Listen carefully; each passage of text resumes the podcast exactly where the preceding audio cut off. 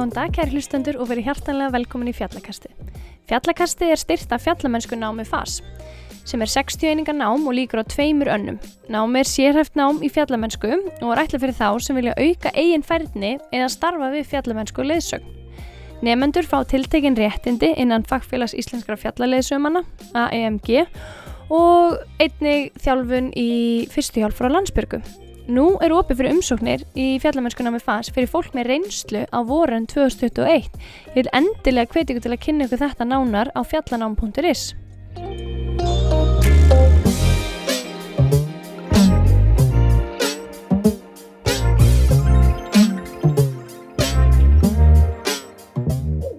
Hjá mér í dag í fjallakastinu er hann Magnús Arturo Batista eða Maggi eins og hann er kallaður. Hann kom til mín í dag til að tala um fjallaskýði og fjallaskýða mennsku. Eh, Maggi er ótrúlega skemmtilegur og þetta viðtal var mjög skemmtilegt eh, þannig ég mæli með að þið hlusti alla leið eh, til enda. En hann segir okkur frá skemmtilegum sögum eh, af hans skýðaæventýrum og við ræðum einnig bara saman um búnaðinn og, og það sem maður þarf að hafa í huga bæði þegar maður er að byrja og þegar maður er eh, bara að stunda fjallaskýða mennsku almennt. Maggi er ótrúlega metnafullur e, í því sem hann hefur áhuga á og hann leggur sér allan fram í því sem hann er að gera og hann, það skýn bara í gegn hjá honum hvað hann hefur mikinn áhuga á fjallaskiða mennsku. Ég mæli með að þið hlustið.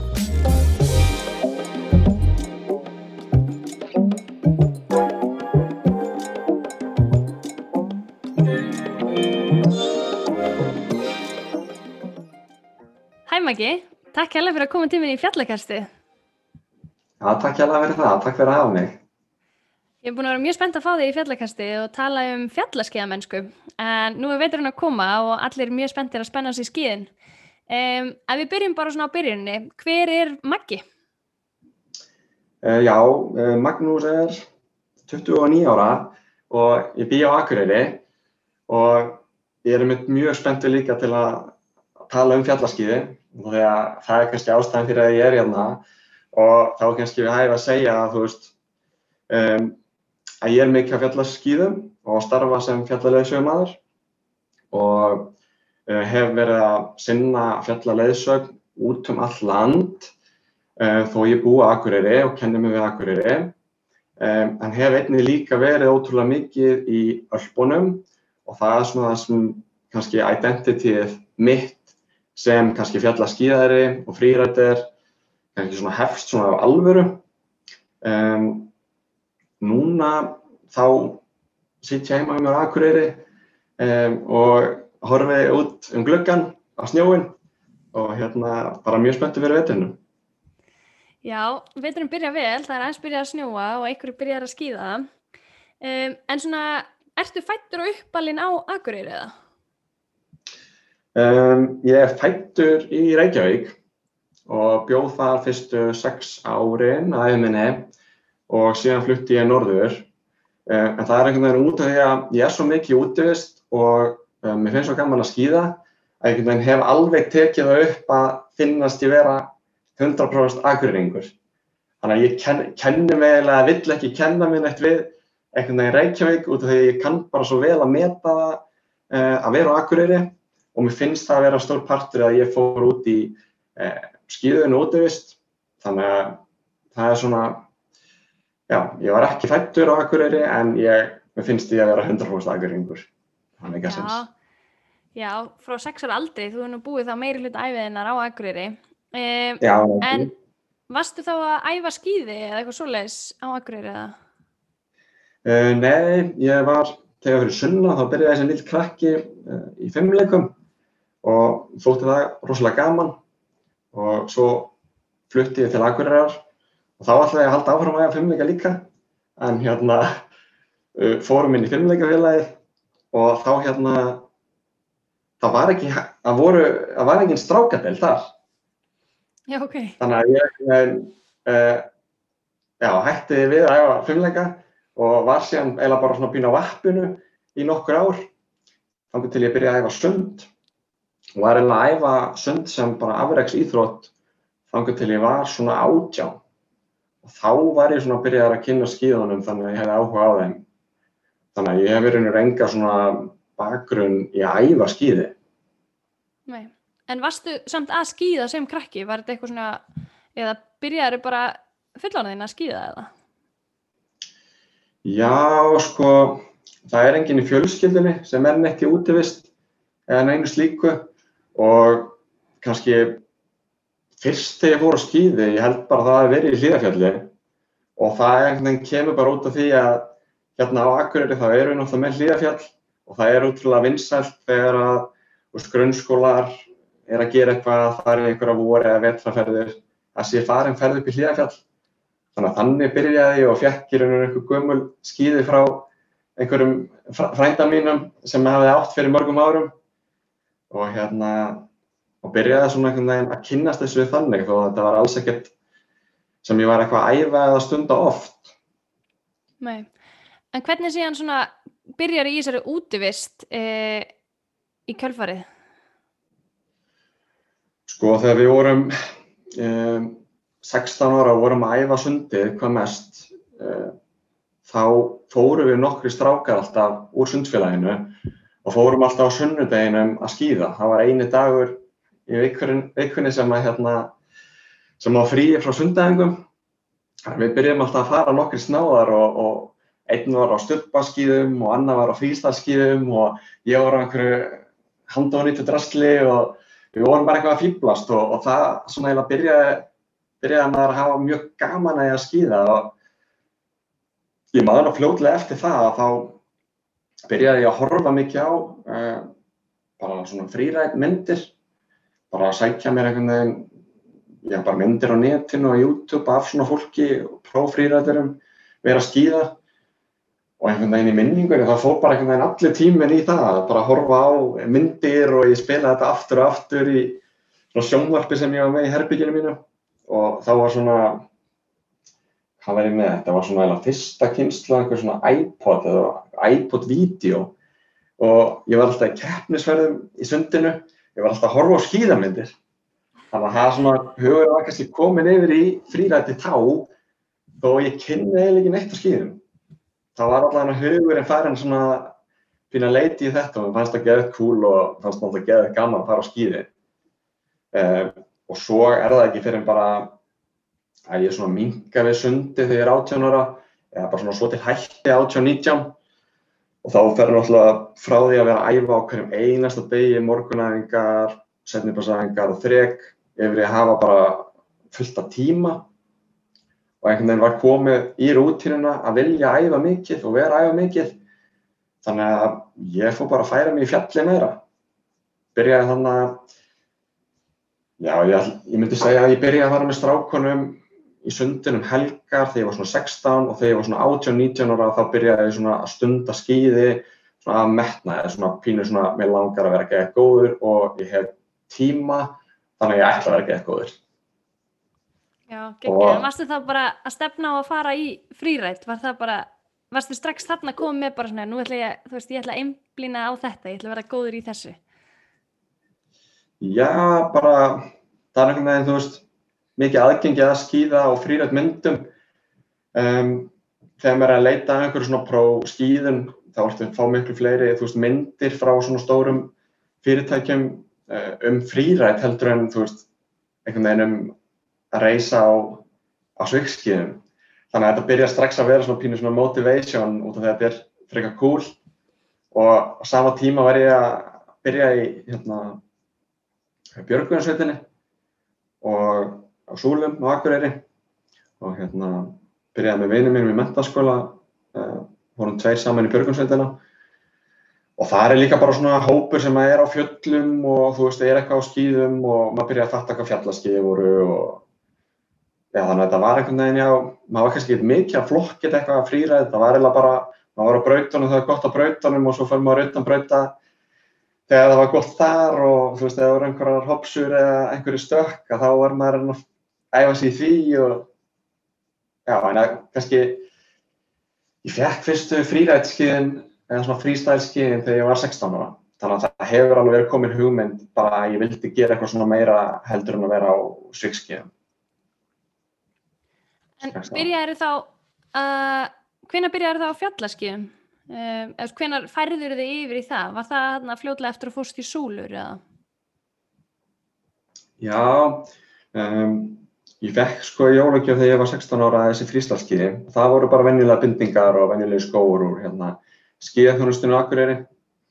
og síðan þegar ég var kannski, segja, tveim orðin setna, þá var ég virkilega að byrja að skoða þetta á netinu og var bara eiginlega, veist, ég var bara að hanga inn á skíðasíðum allan daginn og ég var bara að skoða hverja einustu tegunda skíðum sem voru til og bindingum og klossum og, og nefndu það og þannig var hérna, þannig var ég í mentaskólanum og ég hafði ekkert mikla aðtegli við að vera í tímum. Og ég hefði bara, sko, ég man bara, ég var með tölvun og opna og ég var að skrifa niður, sko, öll skíðin sem ég var að sjá á netinu, skrifað upp í svona dálka og setja kosti og galla og svo gera hringut þannig að það sem ég vildi kaupa mér og hérna og að svona byrja að, já, ég veit að fatta hvaða búin að þeirri hvert. Var þarna líka búin að vera í björgunsveitin í pínu tíma.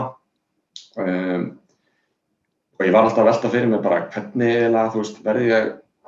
þú veist, betri í fjallamennsku og hvað getur maður gert og hvaða búnað maður að fá sér og hérna hvaða leið er að fara, er hægt að fara í þessu ef maður hefur þennan áhuga. Og þá rakst ég líka svolítið á uh, fjallarleiðsögnina um, og þá byrjaði ég að skoða veist, sviðin uh, í útivist sem að fjallarleiðsögn kannski svona um, er mest í. Og sérstaklega þú veist í svona alþjóðlegum prógrum eins og FMG það eru skýði og, og hérna klettaklifur og svona ís og arpaklifur. Þannig að ég var svona komin alveg með hugmyndina um að ferðast á fjöllum og fjalla skýða þarna. Og þetta var eiginlega svona kannski fyrsti fórgangur hjá mér að kaupa fjallaskýði um, þegar ég byrjaði að kaupa mér eigin búnað. Þannig að það var auðvitað þegar ég var 18 ára þegar ég kefti mér um, svona Armata fjallaskýði, eða raun og veru frístalskýði, um, voru 90 mm í miðjuna og svo kæfti ég mér svona rammabindingar og, og fjallaskiða sko. Og þá byrjaði ég bara, ég var svo spenntur að fá þetta sko, ég hérna, þá byrjaði maður bara að snáðast og fór með hérna fólki úr björgunsveitinni og, og fór einn og maður var að prófa þetta og maður var að leita sér að félögum og já, það var svona kannski byrjun á, þú veist, fjallaskiðinni. Já, þannig að það er alveg komin góð tíu ár síðan að þú byrjaðir þá í þessu í rauninni. Já, já. Hvernig, þegar þú varst að byrja, þú, þú ert náttúrulega komað úr Björgunusveit, varstu komið með einhverjum svona þekking á snjóflóðum og eitthvað svona hann í upphafiða? Já, sko, já, ég er rosa mikið grúskari, sko, þannig að hérna, ég er bara, var örgulega meira þannig heldur en ég er í dag, en ég er bara lág alltaf bara yfir, þú veist, öllu lesefni sem ég gæt fundið. Þannig að ég var held ég komið ágætis hugmynd, þú veist, á bókinni um, þú veist, snjóflóð og, og, og þú veist, ég var svona að soga til mín all efni sem ég komst í og í Björgunsveitin er náttúrulega, það eru tvö námskeið uh, sem að æfaði í snjóflóðum, snjóflóð 1 og snjóflóð 2 og ég tók þau og mér varst bara að gegja hérna á þennan, á þessa þekkingu. Og kæfti mér einhverju snjóflóða búnað fljóðlega eftir þetta og veist, á þessu tímabili. Um, þannig að maður var svona strax að pæla í þessu og hérna að ég svo var að þannig að þú veist maður var náttúrulega bara frekar svona mainstream, ekki mainstream en þetta er bara svona miklu algengara núna að fólk gera fjallarskeiðum að frýræta en þú veist það hefur verið þannig ekki mjög tíðina kannski áður þetta hefur verið kannski einn og einn og úr þessu hínu bæjarfélagi svolítið svona meira einstaklingar heldur en hópar eða æfingar. Og út af því að ég nefn bara hætti að æfa þarna sund kom ekkert úr nefni sko, skýða senu eða neitt þannig að það var ég bara ótrúlega mikið einn að skýða þannig að hérna maður var alltaf að finna sér félag og það maður sá það líka í, í fræðunum sko að, að þú ætti kannski ekki að vera mikið einn að brasa að fara langt upp í fjöllin sko. En það er kannski svona, þess vegna er það svona gott að hlýða fjall þetta því að getur verið svona utanbrauta ótrúlega mikið á þess að vera kannski að fara einhver ótrúlega stórar eða langa ferðir. Og þú ert með toppin og hlýðafjalli sem að er bara svona æðislegt að hafa inn í rútinni til þess að æfa sig í að fjallaski. Þetta er einhver hálftími, 45 mínútur upp á topp og, og svo bara svona mell og brekka og þú getur verið búin að skýða allan daginn á skýðasæðinu og svona fá tilfinninguna fyrir snjónum um, og veðrinu og öðru slíku, þú veist, áður en þú ferð upp á toppin, þannig að það er kannski svona, þú veist, ef þú ert að fara einna þá er það, þú veist, mjög næst að gera svona í rútínu út af því að það er einhvern veginn svæði sem maður þekki vel um, en, en, en svo svona ég held að það verið hvað 19 ára þegar ég var einhverju bara eitthvað svona, þú veist, wow, hvað mér langar meira að fjallaskýða og mér langar svo mikið að fara í fjöllin uh, í Tröllaska og með því náttúrulega að vera alltaf að grúska þá var ég búinn að finna Jökulbergmann sem var náttúrulega á þessum tíma að byrja sitt batteri í, í þyrluskeiðamerskunni uh, á Norðurlandi og ég var búinn að skoða alla myndir hérna á vefsíðun hans og hvaða sko próskýðar og ljósmyndar hann var búinn að fá þannig að ég var búinn að horfa á fullt af brekkum sko og mér langaði svo að komast í þetta en var ekkert nógu sjálfsögur til þess að fara kannski veist, einn eða og líka bara einhvern veginn hafði engan til að ringja í einhvern veginn með þetta. Þannig að hérna ég endaði bara með að hérna ég man ég var drullu stressa sko en ég ringdi í kallin bara í jökul. Og ég þekkti hann ekki neitt að aldrei sé sko bara verið einhver snáði sko einhver krakki af vefsíðun hans. Bara já hann er hérna eitthvað að gera já ringja hann og spyrja hvort hann vilja koma að skýra mér.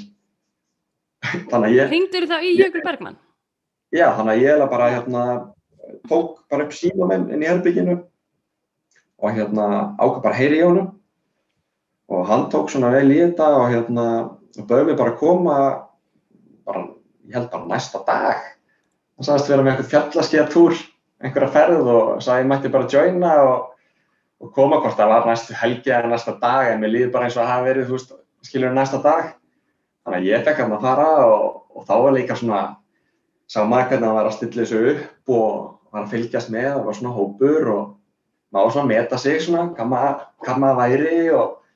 hvort að maður var að gera kiptönni rétt og allt svona þannig. Það var alveg svona skemmtilegt búst sko og hérna, og maður gæti nýtt þetta og, og hérna, og svo líka bara þú veist að fara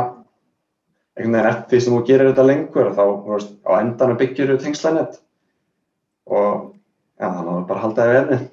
Já, klálega. En hvað, hvenar ferður svo til Chamonix ef við komum aðeins inn á það? Um, já, ég semst fer til uh, Chamonix sem er skíðasvæði í Franklandi. Uh, ég fer þegar er uh, semst, einu ári eftir að ég útskrifast úr Metaskóla Makureyri. Um, þá eru ekki að 2012-2013 er fyrsti veturum minn í Chamonix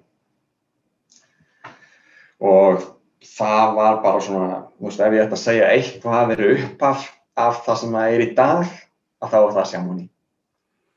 Já. Það er bara, það er. Þá var ekki aftur snúið þegar þú varst búin að fara þánga. En var það Nei. svona fyrsta skipti sem þú fórst bara, þú veist, Erlendis og varst bara nú er ég að fara að skýða? Veist, var það bara já, góli? Já, bara þú veist, um, ég hafði, já ég bara einhvern veginn var búinn að, þú veist, vera,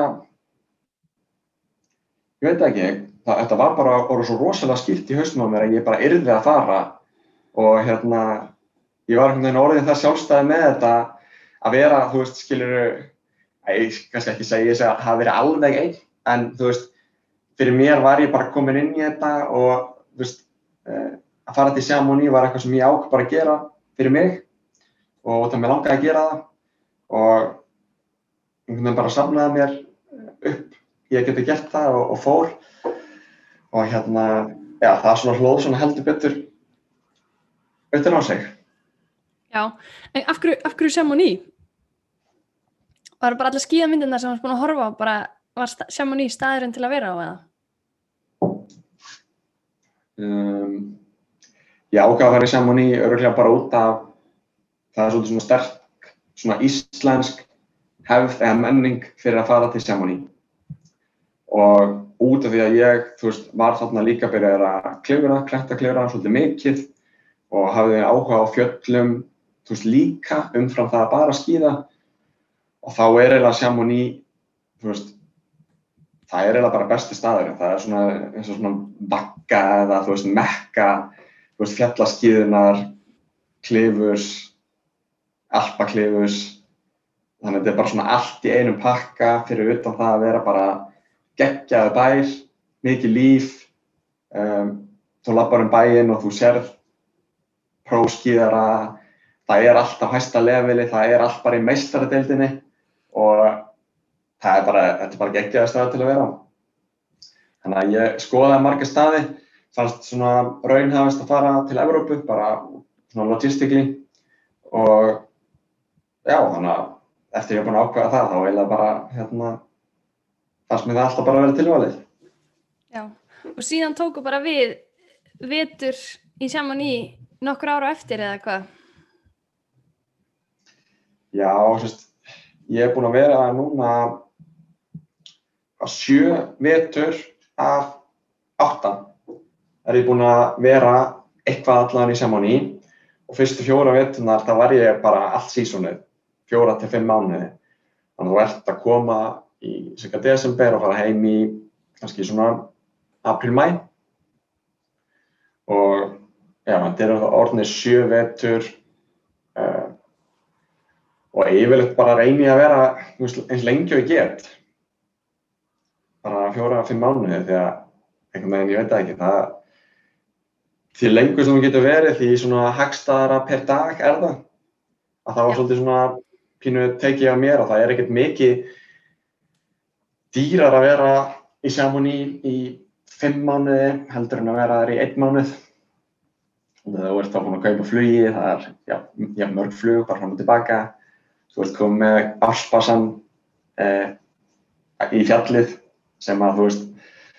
ef þú skýða meira heldur en 21 dag í Chamonix, þá borgar sér að kaupa áspassa.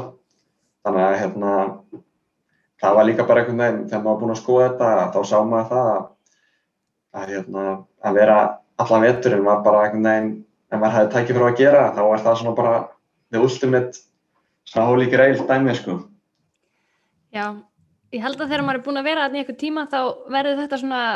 fyrir þá sem vilja vera þarna allavega, þá vil maður bara helst emitt, finna sér eitthvað lífstíl þannig að maður getur búið þarna helmingina árinu eða eitthvað álíka. Um, Já, ákveðlega, þetta er ótrúlega, hérna, þetta er ótrúlega bara páranlega staður ég man bara hérna þegar maður fór þarna fyrst um, ég veit ekki, maður kom með einhvern veginn svona maður búin að vera að skýða á Íslandi í mikið, kannski tvö ár, segjum það. Og þú veist, maður var einhvern veginn bara unglingur og maður, þú veist, var með markmið og drauma og einhvern veginn þegar maður er að skýða í hlýðækjalli hvern einasta dag, þá fekk ég bara svona tilfinninguna, eða maður var farin að fá tilfinninguna maður væri nú bara svolítið segur í þessu. Það væri mjög góður sko á skýðum og hérna maður gæti þar, byrja að fara hín og þessi fjöll hérna á Tröllaska og ég og bestu vinnu með Björn við höfum skýðað hérna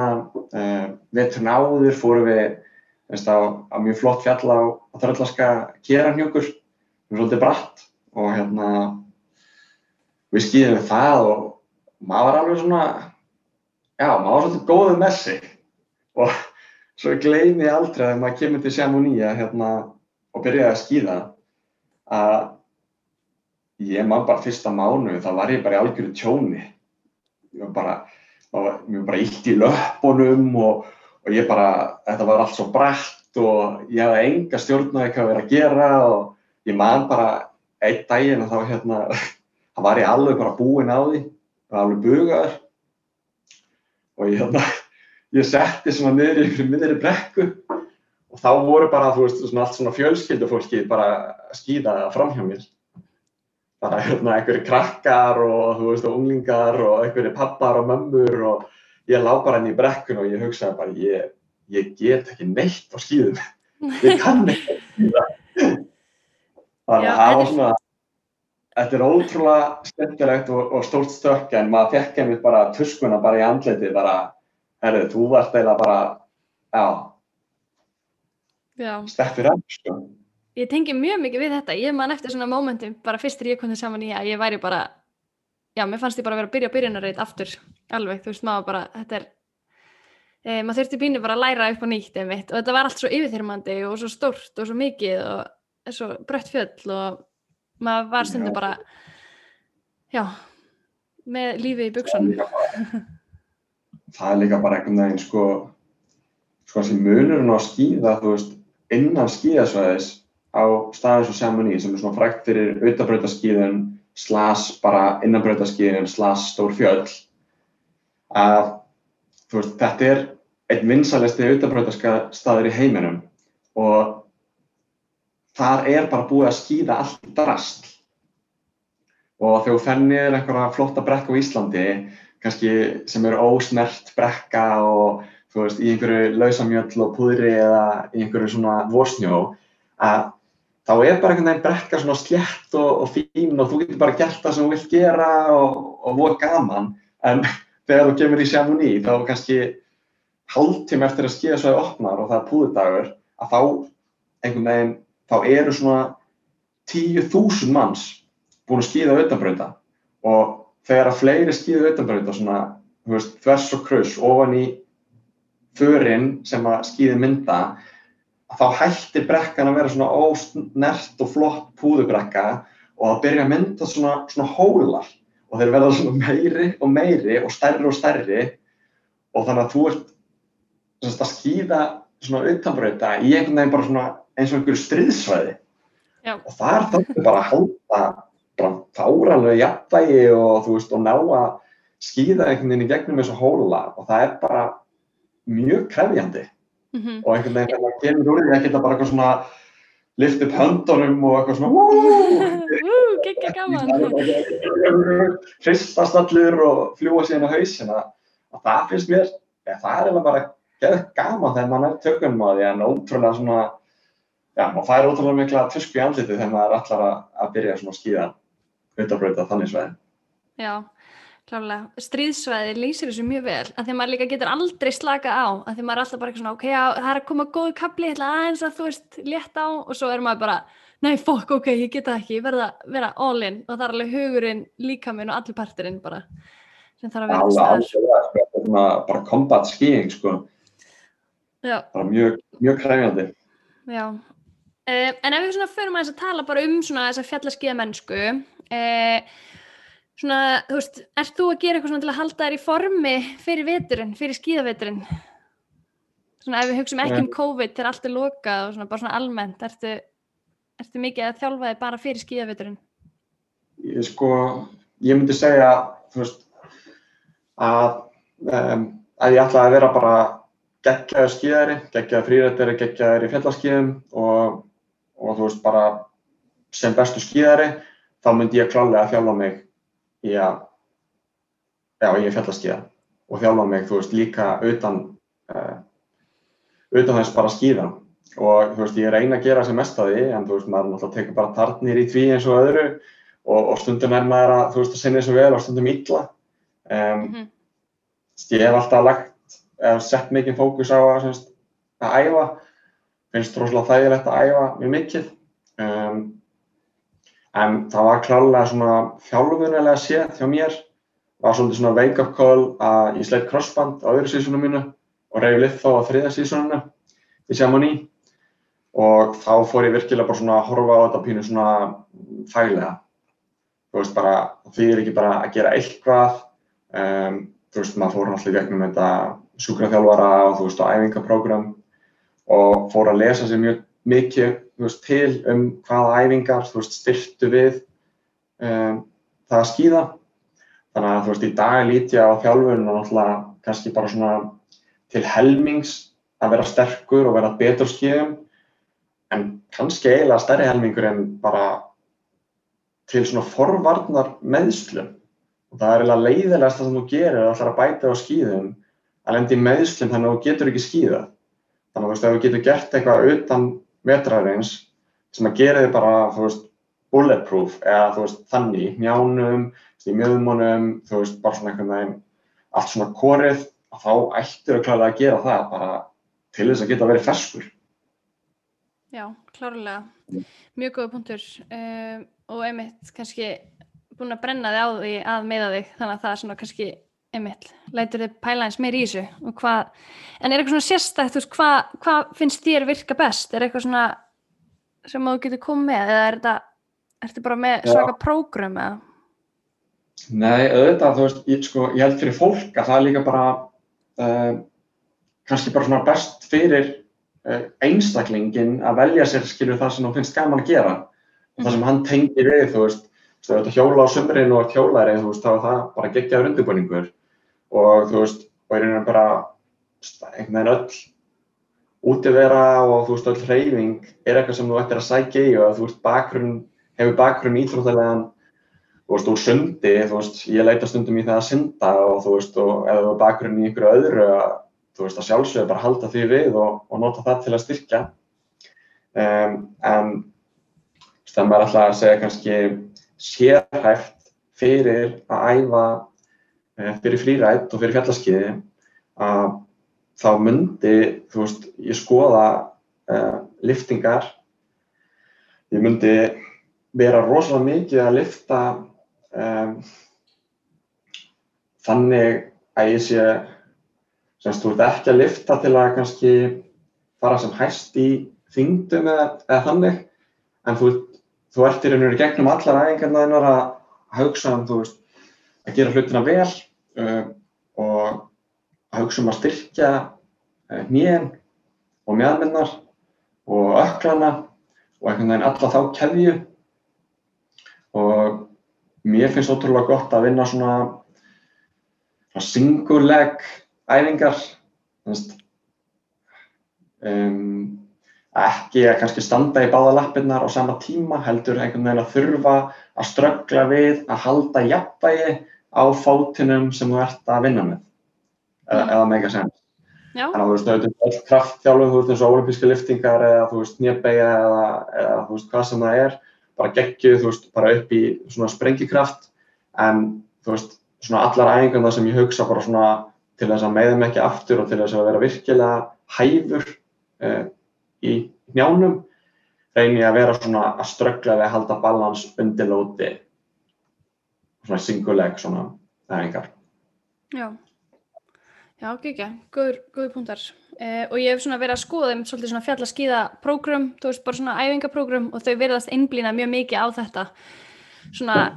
ein, ein, einfóta, segir maður það, uh, einfóta æfingar og svona mikið af, uh,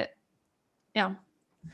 ég, ég er að fylgja þú veist, mörgum svona, þú veist, á Instagram og okkur svona þannig, þeir kallir þetta alltaf eitthvað svona, ég veit það ekki, já, single leg dæmi og þú veist, segja bara Já. svona íþrótt en fitnið þín sé miklu Mm. betri ef að þú ert duglegur að æfa þig, þú veist, í pínu svona krefjandi aðstæðum svona jafnvægislega séð, þannig að maður Mhm. ekki alltaf bara að mæti í ræktina og setjast á hérna rauðan leðuklættan sófa og hérna og og horfa á iPadin sinn og, og, og hreyfa aðra löppina heldur, þú veist, Skilur, Mhm. gerir miklu meira fyrir þegar einhvern veginn að ströggla við að halda jafnvægi, þú veist, standi lappinnar og, og, og setja alvöru þú lót bara á líkamann. klárlega. Um, en svona ef við skoðum aðeins búnaðinn um, og mér heyrst nú með að við þar sem þú ert búin að lista upp hérna þegar þú varst í mentaskólanum, ertu ekki bara með heilt Excel-skjál um hvernig skýðir maður á að kaupa og hvað maður á að gera? Sko, Em. jú og nei. Ég er, uh, sko, það er svolítið skemmtileg saga nefnilega sem að, sem að sem, sem frá fyrsta sísonu í Chamonix að þá var ég náttúrulega búinn að vera að lesa bara, að ég var kannski ekki alveg jafn mikið af vefsíðum en maður var að hérna, svolítið að vinna með tímaritin. Og ég var búinn að vera áskrifandi á Powder Magazine í hérna svolítið tíma og ég var bara búinn að sjá þú veist, alla þessa próskíðara, þú veist, á þessa galla og allt þetta dæmi. Og síðan þegar ég mætti Chamonix að þá var það náttúrulega svona mekkan þannig að veist, ég var að labba á göttinu og ég sá bara fólki bara úr hérna tímaritunum eða þú veist, það er ekki sama fólki en þú veist, það voru bara bara fullt af fólki sem var bara eitthvað, ég sá bara eitthvað, wow, hann er með nýjustu skíðin og hérna, geggjum, Gore-Tex skalla og þú veist, þetta er bara einhver próskíðari maður. Og hérna svo byrjaði ég að mæti fjöllin, byrjaði að mæti upp á skíðasvæði. Og tók mig mjög langan tíma þegar ég fattaði einhvern veginn að þetta fólk sem að leita út fyrir að vera mestu, svona, mestu prós í, í bænum voru endilega ekkert bestu skíðarannir og ég fór að taka eftir svona, ég veit að maður var ekkert að vinna, maður var bara að skýra veist, alla daga, þannig að maður fór eftir að taka eftir kannski sömu karakterum sem voru aftur og aftur í fjallinu. Og maður náttúrulega langar að vera góður og maður lítur upp til þeirra sem eru góðir og maður fara að fá svona að þekkja fólki sem var best á skíðasöðunum og í kringu sig. Og það fólk uh, var á skíðinu sem að ég hafði ekki hugmynd um hvað voru og voru bara einhverju svona einhverju svona úlpum einhverjum sem að voru ekkert skilt með eitthvað svona þetta Gore-Tex-dæmi sem ég hef búin að vera að skoða að lista upp. Og hérna þetta voru bara einhverju svona lokal frakkar sem voru bara að skýða á einhverjum skýðum mm. og hérna einhverjum eldgámið skýðum kannski. Og þeir voru bara lóttum betri heldur en allir aðrir. Þannig ég fekk alveg svona klálega bara ok, það er alveg gaman að vera búnaðafrík en raun og veru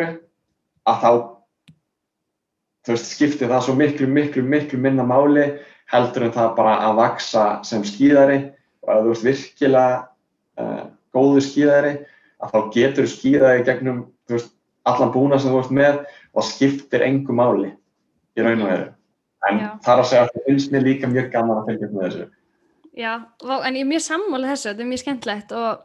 hérna, því ég á náttúrulega franskan mann og ég man svona fyrst þegar ég var að hitta vini hans, þá var ég stundu bara í hverju eru þau? Eða, veist, og, og þetta fólk náttúrulega, þú veist, útskýðaði mig bara eins og þú veist, ég var bara skilin eftir eitthvað langt fyrir aftan, fólk sem er alveg upp í ný, þú veist, að skýða náttúrulega eins og brjálæðingar. Eh, en það var um gaman að sjá hvað þau eru næjusum, þú veist, ég man eins og eitt vinn hans kom alltaf inn og hann fann snjóbretti í ruslatunnu á bakvið eina búðina í sem og hann var bara, þetta er bara geggjasta snjóbretti sem ég fengi, bara einhver búin að henda í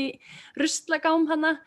Og hérna, og þú veist, hann bara, já, það virkar, skilur, og ég bara, já, ok, það er mjög gaman að, að nefna þetta því að þetta er mjög, maður tekur mjög mikið eftir þessu þegar maður er alltaf úti. Já, klála, þú þarf ekki góðan búnar til þess að vera góður og hérna, og það er raun og bara, þú veist, ef maður er úti, þetta eru bara Íslandingarnir, Svíjarnir og Normennir sem basically hafa þennan pening að geta keft sér eitthvað beint, þú veist, út er uh, skíðablaði og nýjastu skíðin og kortexið og bindingarnar og allt þetta dót. Mm -hmm. Það svona lokal brakkin eða þú veist, fólki úr öllbónum að þetta er einhvern veginn ég veit ekki, það er bara ekki veist, eins miklu peningar einhvern veginn til að kaupa sér nýtt át eins og verist, alltaf það er alltaf mm. veist, þeir sem er að koma í Alpana uh, og vera veist, lengi, það er alltaf pínu forréttandi að geta gert þetta bara komið í Alpana og kannski unnið að bara eða unnið ekkert og geta keft sér fullt að búna eða bara mætt og gert þetta þannig að þú veist þetta er svona, já, maður, maður sér allavega klálega hérna á þessi gaman að vera á flottum búinu að þá, þú veist, þarftu bara basically að vera betra skíðin. Já, og ég segi það líka, það er mjög margir sem senda á mann, þú veist, hvað á ég að kaupa, hvað, hérna, hvað á ég að, hvað á ég að vera að horfa eftir og ég er ekkert, ég mæli ítrykka með að fólk sé að kaupa sér nota dót, þú veist, sérstaklega þegar það er að byrja og prófa og finna mismunin, ekki fara að kaupa dýrasta dótið mitt. Eh, í þessu, en svona, þú veist, öryggisbúnaðarinn er kannski svona það sem við viljum að sé í lægi og sé up to date um, þá kannski að sé snjóflóðbúnaður hvað helst, eða ekki? Um, jú, það er eiginlega bara svona svo deili kannski hjá mér uh, og þegar maður er að fara út í okkur einasta dag, þá, þú veist, ég er alltaf með snjóflóðbúnaðin í töskunum minni og á mér og uh, og einhvern veginn, þetta er ótrúlega, þú veist, veit ekki, þetta eru svona þessi heila þrenning, þetta eru sérst búnaður sem má, skipta í og öru, svona þrjú item, þetta er snjóflóða ílir og svo er þetta snjóflóða stöng, svo er þetta skobla og einhvern veginn þegar þú ert búin að vera, þú veist, í nokkur ári í þessu og búin að skoða, þú veist, að eh, fara námskeiðin og svona þannig, að þá hérna, ég veit ekki, maður er kannski ekki mikið að pæla í búnaðinum sjálfum á hverja meinasta degi út af því að þú veist, þú setur bara ílinn þegar þú vaknar, eða þú veist, ekki alveg þú vaknar en svona áður nú mætir í fjallið uh, og svo ertu grýpur bara bakbokaðinn og í honum er alltaf skoplan og, og snjóflástöngin. Þannig að þú veist, þegar maður kannski að fara á skýðu mótnana þá er maður kannski ekkert að pæla í því eh, en, er, en það sem þú pælir hins vegar í daglega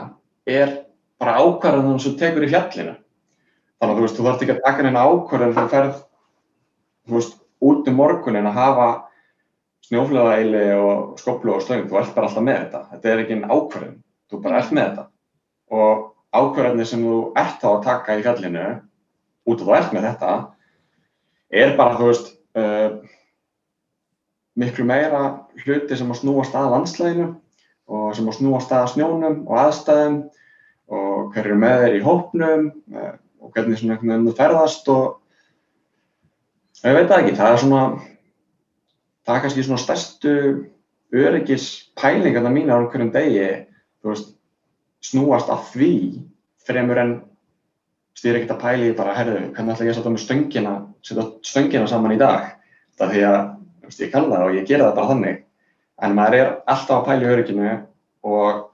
svona eftir að þú ert búin að fara yfir þann hól að læra búnaðin þá ertu í raun og veru alltaf að pæli aðstæðan og landslæginu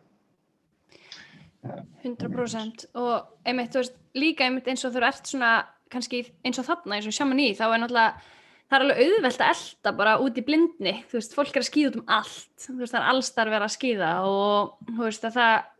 kemur alveg fyrir þarna eins og annars þar að fólk lendur í snjóflóðum og þú veist, yfirleitt í upphafi seasons deyja nokkrir á þessu svæði þú veist, og það er einmitt svona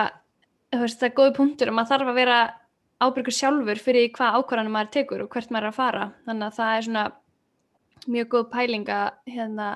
að maður er konstantli þó sem maður sé bara út að skýða að tæknilega sé kannski á skýðasvæði eða í kringum skýðasvæði þá er samt ennþá rúslega mikið af ákvarðantökun sem maður vart alltaf að hugsa um og, og að pæla í. En hvernig þú veist hvernig finnst þér bara svona veist, eins og núna er alltaf rosalega mikið af fólki e, byrjað í þessum fjallaskíða e, hvað maður segja fjallaskíða ferðum þessa dagana. E, finnst þér svona fólk almennt vera búið að hugsa um þessa þætti og er að pæla í þessu svona í þínu næru umhverju þú veist þá er mæntalega allir svona nokkuð up to date en svona almennt fólki sem er að koma kannski á Norðurland og er að prófa skíðin sín hefur verið eitthvað svona horfa eftir því Já, þú veist, ég kannski ekki endilega verið að horfa eftir því, þú veist, hvað fólk gera með í bakbókuna meðan eftir hannig, en þú veist, auðvitað eru margir að byrja og mér finnst alveg eðlert þegar fólk er að byrja að þú veist, sé pínu út á túnni og hérna, einhvern veginn, það eru allir þannig pínu þegar maður er að byrja. Við finnum svona fólk kannski á Íslandi, um, þú veist, ef þú ert að byrja þá kannski hefur þú enga hugmynd um, þú veist, snjóflóðilin eða skúplun eða stöngin eða svona nákvæmlega hvernig þetta virkar. En ég held að þú heldur svona aðeins áfram í sportinu að þá ferðu mjög fljóðlega að taka eftir að það er bara standardvenja hjá öllum sem er ferðast saman á fjallarskíðin að vera með snjóflóðabúnað. Og þetta er ekki flóknir með það en að, vera, en að kaupa sér íli, eh, stöng og skóplu og vera með svona lítinn bakbókan og hérna, og mér finnst svona almennt þeir sem að maður sér á fjöllum vera mjög meðvitaður um að, að hérna, að þú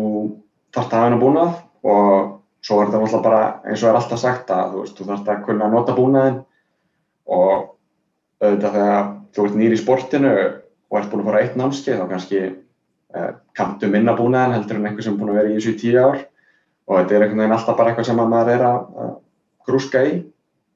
En ég held að þú veist, þú sett með ágætis þú veist ég veit ekki, til að vera virkilega örugur þú veist, svona einhvern veginn í brekkunum að það tekur ekkert ótrúlega langan tíma að læra á kannski virknina á snjóflóðailinum og svona pínu konseptinu að þú veist,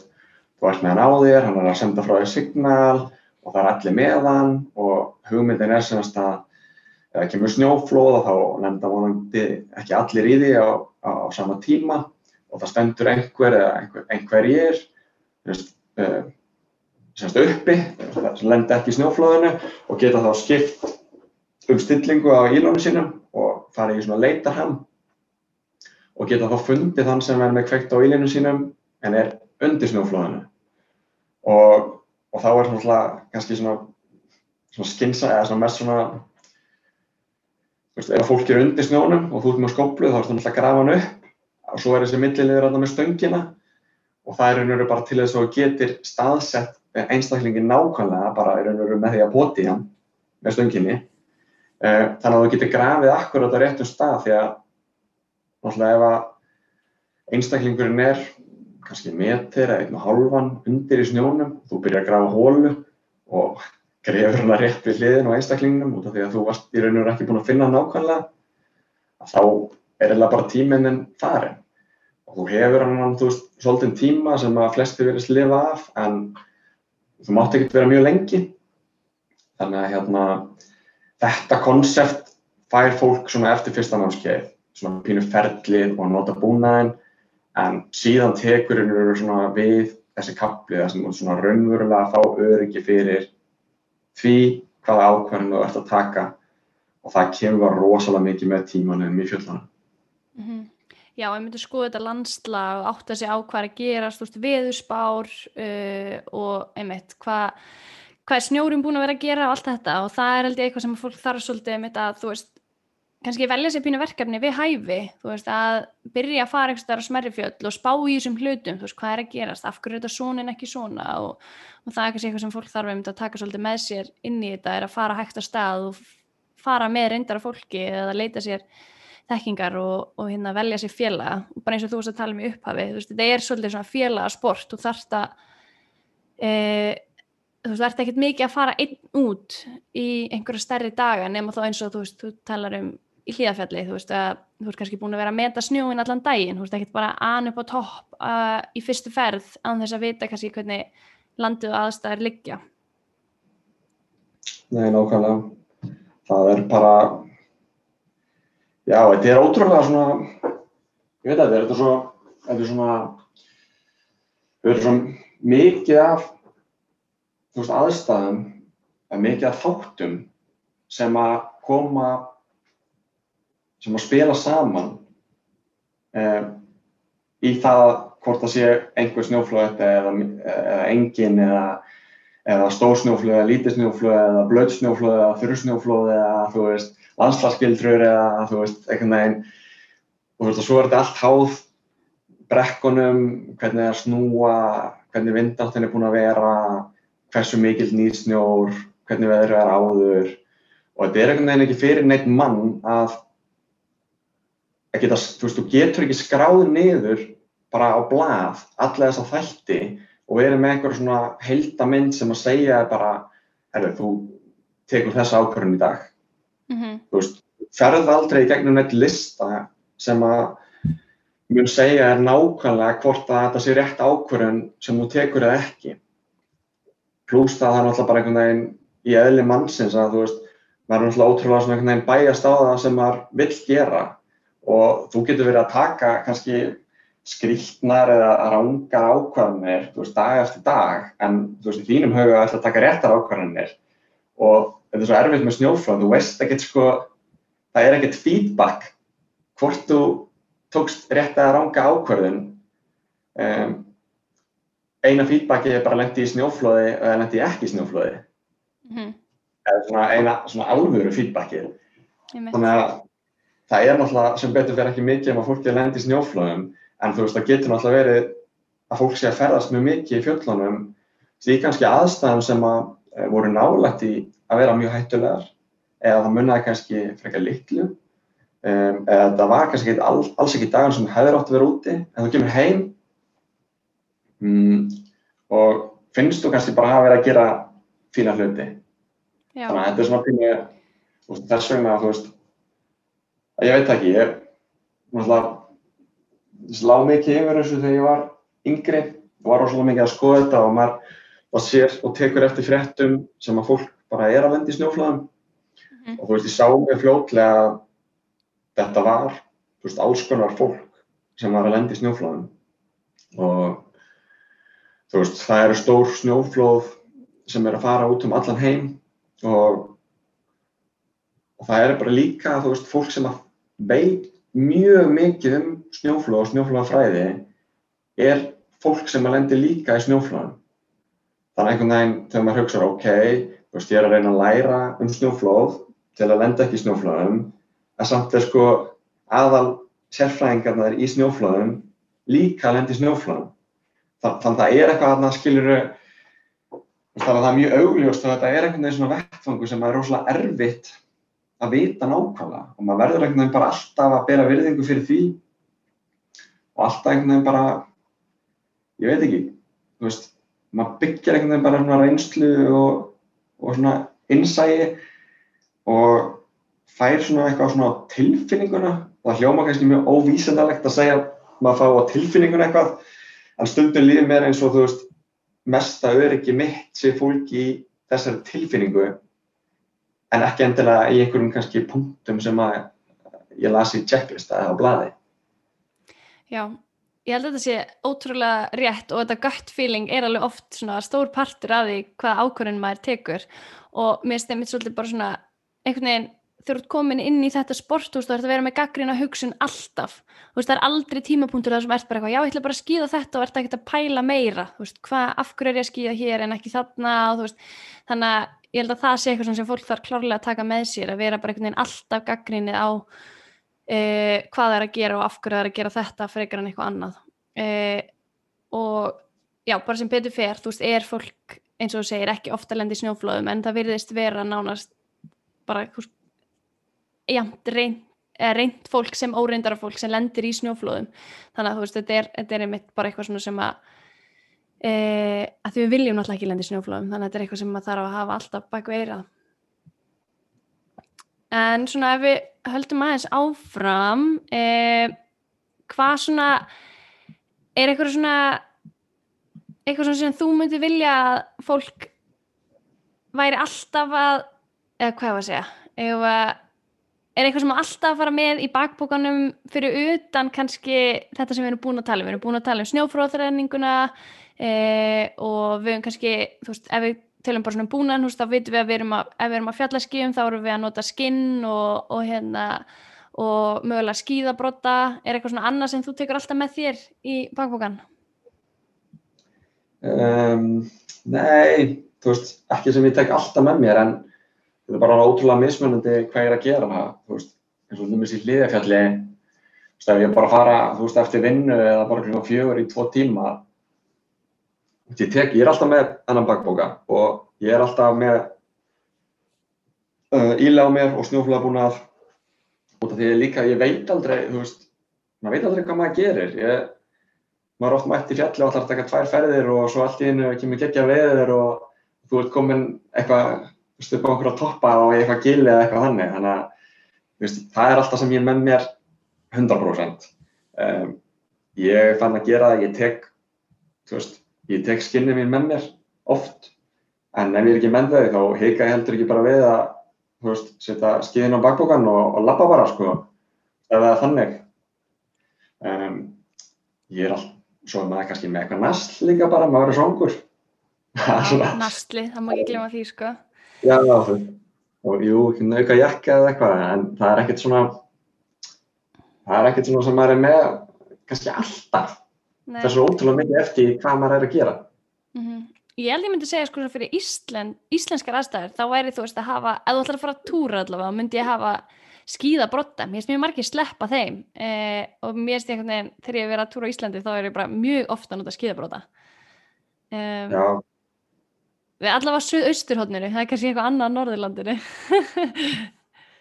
nei, nei, ég er alveg sammúlað, sko. Ég hérna, hef ekki verið á einu stað uh, í heiminum sem að maður hefur þurft að nota skíabróta jafn oft og á Íslandi. Og hérna, já, þannig að það er einhverju, þú veist,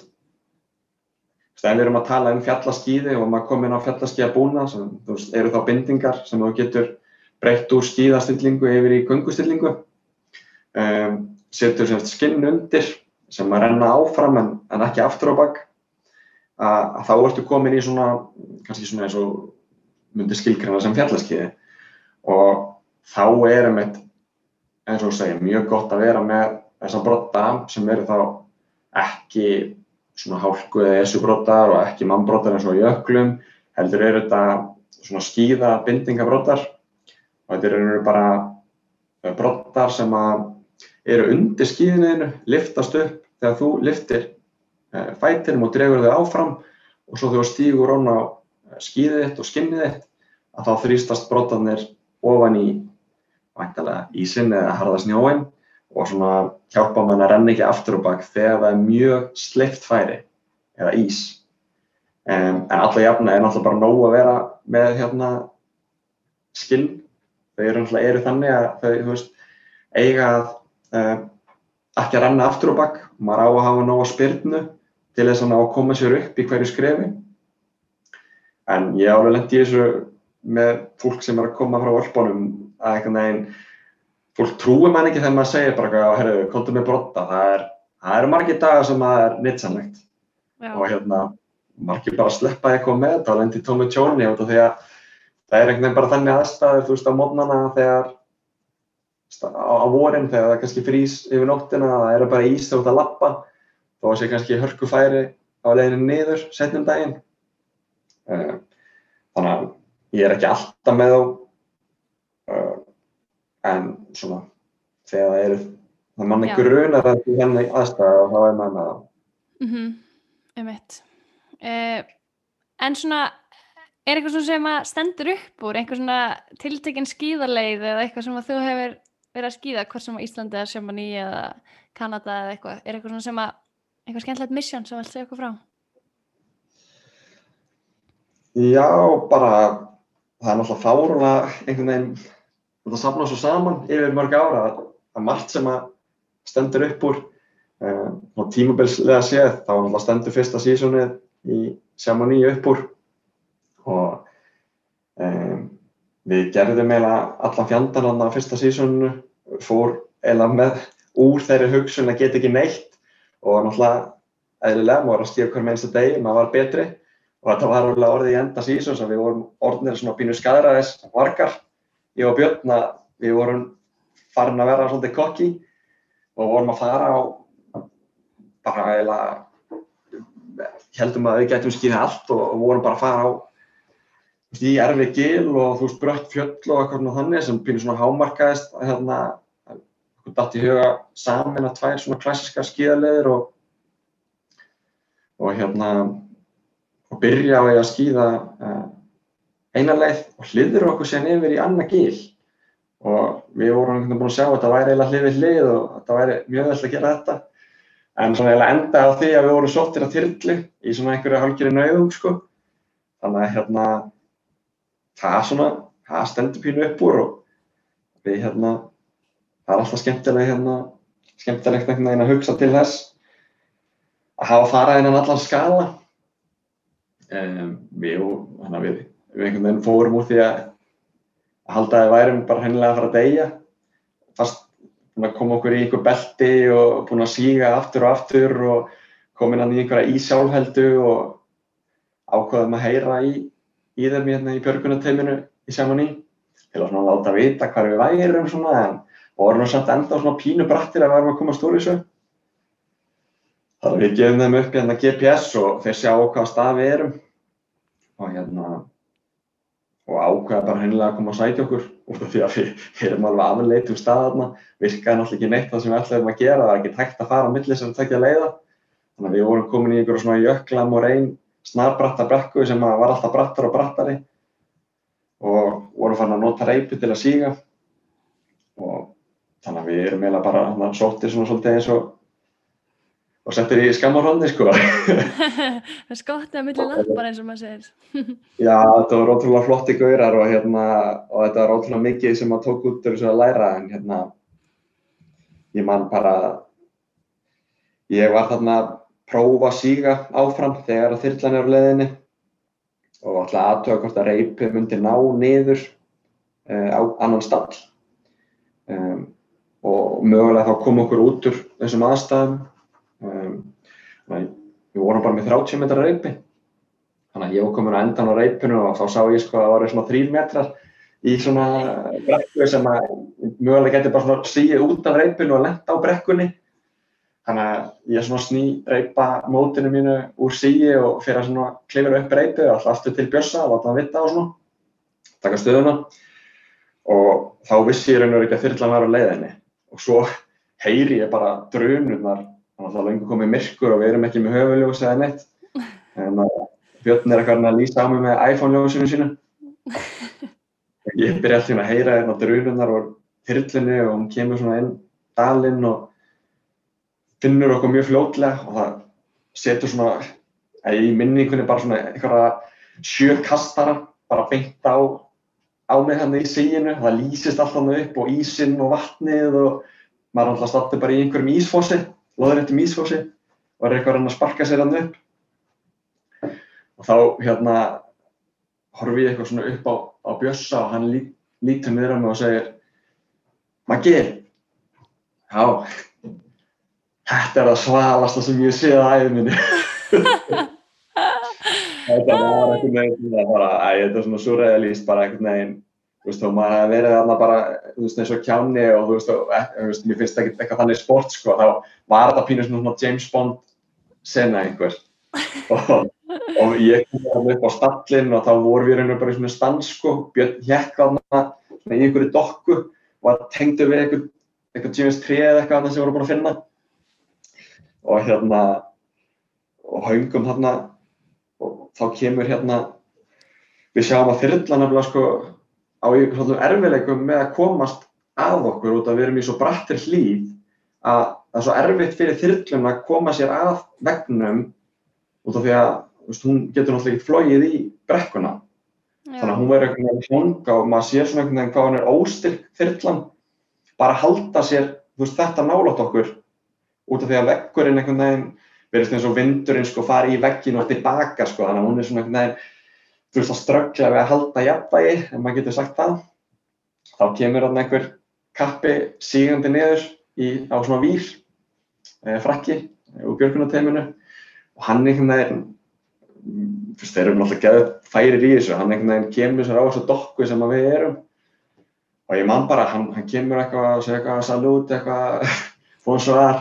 og þú veist, heimir þetta eftir út á fyrirlinni og við erum alltaf, ó, hvað við erum í belti og hérna og sínum eitthvað, hann lítur á stansin sem við erum á. Hann er einhverju klippir sig inn í uh, öryggi sem við erum með þegar hann er búinn að meta það sig ágætt. Og svo sé ég hann bara taka þyrlusbóttan, výrin, sem er bara svona einhvers konar karabínu system. Og, og hann, hann, hann horfir eitthvað svona á mig, tekur það á beltinu sinu og svo aðeins ég veit að þá er ég smeltur í það, výrin, og ég horfi bara výrin, ó, ok, Heru, og svo byrja þurrlan bara hérna, tegur svona massífa hliðrun út frá vegnum, út af það er svo erfitt að halda henni stöðvegi, þannig að hún tekur einhvern veginn svona bara, halla sér einhvern veginn og svona, og svona fer bara fullu til hliðar, bara svona út frá í raun og veru vegnum og út í dalinn. Og ég er bara holy shit, ég tengdu við hennar vír þannig að bara aðeins ég veit að þá er ég bara fókinn frá þessum klettarvegg og frá þessum stans. Og hérna er út í mið, miðjum dalnum og, og tek bara einhvern svona sko svona skemmtigarða sko pendurum sving ég finn alltaf lengst til hliðar og upp einhvern veginn. Og svo hugsa ég bara, heyrðu, ég er að fara tilbaka aftur. Og þá byrjar hinn leginn og maður bara nálgast veggin og veggin og veggin meira og meira. Þannig að maður ekkert neginn er þarna bara komið einn danglandi út í miðin dag sko, þetta var eiginlega bara og svo hýfaði mann upp sko og taka bjössa bjössi og byrjumæðurinn koma síðan saman upp sko. Þannig að þeir eru ótrúlega færir og hérna þetta var ótrúlega þetta var ótrúlega flott að sjá hvernig þeir gerir þetta. Þá maður vilja náttúrulega ekki landa í þessu aftur Nei, hvernig leiði ykkur eftir þetta? Voru þið bara mættir í fjalli daginn eftir bara til í næsta mission? Nei, við vorum alveg, um, allavega fyrir mig sko, var ég alveg virkilega hrættur og mér fannst alveg dörfuða líkur á því að hérna, um, að við væri bara að fara að deyja þarna þannig að hérna, út og við vorum búin að vera að síga svo mikið, það var alltaf brattar og brattar í brekkan og við vorum alltaf að síga á milli svona trjáhrísla í brekkunni og við vorum með svo stutt reypi að við komumst ekkert endilega sko alveg á milli trjána sem við vildum festa línun í. Mm. Þannig að stundum vorum við að koma úr síinu og vorum bara mjög erfiðum og slæmum stöðum sko og þurftum þá kannski að hliðra okkur í næsta trí og þá hugsaði ég bara, heyrðu, þú veist, ég er nú ekkert svo langt fyrir að renna hérna, erum við ekki í einu brotti og vorum að næna litla ísexi. Og þú veist, ég var bara eiginlega bara, heyrðu, ég, mér finnst bara eins og ég sé að missa jafnvægi hérna, það er ekki til að haldi, þetta er eitthvað drullu svað og snar bratt og laust grjót og hérna, þannig að svo náttúrulega kom þyrrlan og fimm mínútur setna, það voru bara mættir stóðum við í bæ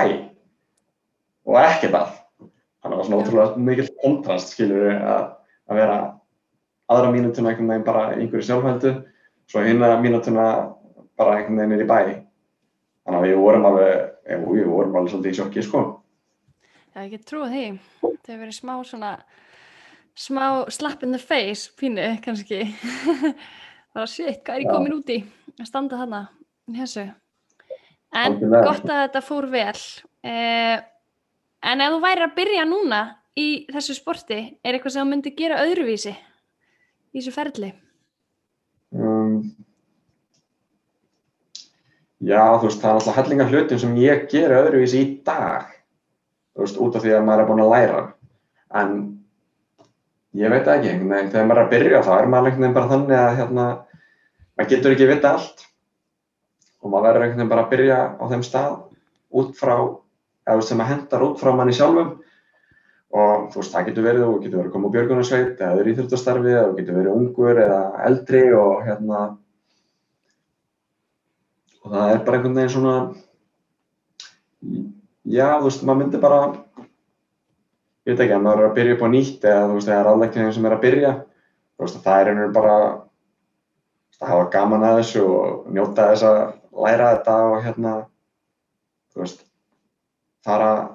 og læra á snjúflagabúnaðin, uh, kynna sér, þú veist, aðstæður um, og svo bara mæli ég með fyrir alla að hérna, fara á svona alpaferði, sko. Bara til að sjá, þú veist, svæði og hérna, og svona landslag sem að þú kemst í með liftunum sem er mjög krægjandi og bætir þessu ótrúlega mikið á skíðum og getur notið þess meira að vera fjallaski á Íslandi. Já, klárlega. En ert þú með einhver svona markmið fyrir veturinn eða vorið eða, já, sísonið sem er framöndan? Um, já, sko, mér finnst það eða sko svolítið spennandi þessi veturnafla út af því að eins og vorum að tala um að þá hef ég búin að vera í Ölbánu núna átta vetur í rauð, veist, Þannig að eina vitur sem ég fór ekki til Chamonix þá var ég í Austurík í fjóra vikur og núna er einhvern veginn bara svona, veist það er kannski ekki alveg fullvíst en, en, en veist það er enginn að ferðast núna og sjálfsög einhvern veginn er maður ekkert sjálfur að pæli heldur. Þannig að mér finnst það bara að vera geggja tækifæri í vetur að skýða bara meira á Íslandi og bara finna sér flott verkefni og flotta brekkur og njóta þess að skýða á Íslandi því að það er alltaf bara okkislega bara svona uník að vera á Íslandi og það er cozy, þú veist stuttilegarnir eru cozy og vetrabyrtan er geggið og það er alveg margar aðstæður sem þú getur skýða á Íslandi sem að þú getur ekki skýða í Ölbánum þannig að hérna svona ef ég tala út frá sjálfum mér þá er ég bara fáralega spenntið fyrir veturinn að skýða meira á Íslandi og það er bara ógeðslega mikið af flottum fjöllum. Og út af því að það eru þú veist þetta er kannski svona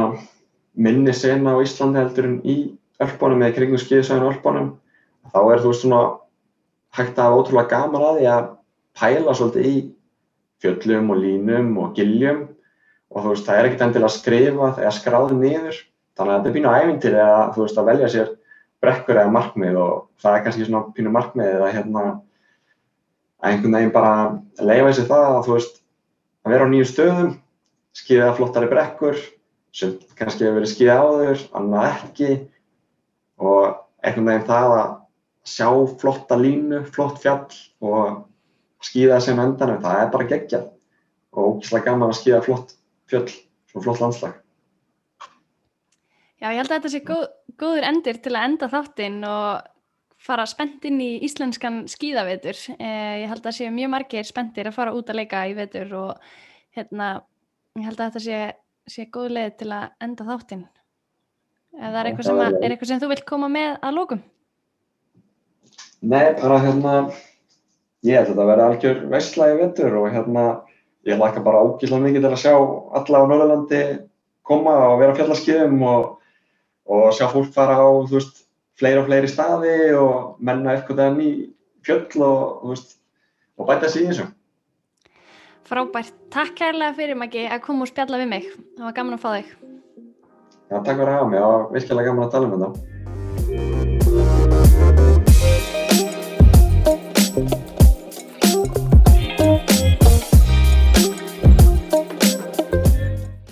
Var rosa gaman að fá hún makka til mín í fjallakastið og ræða um fjallaskíðamennsku.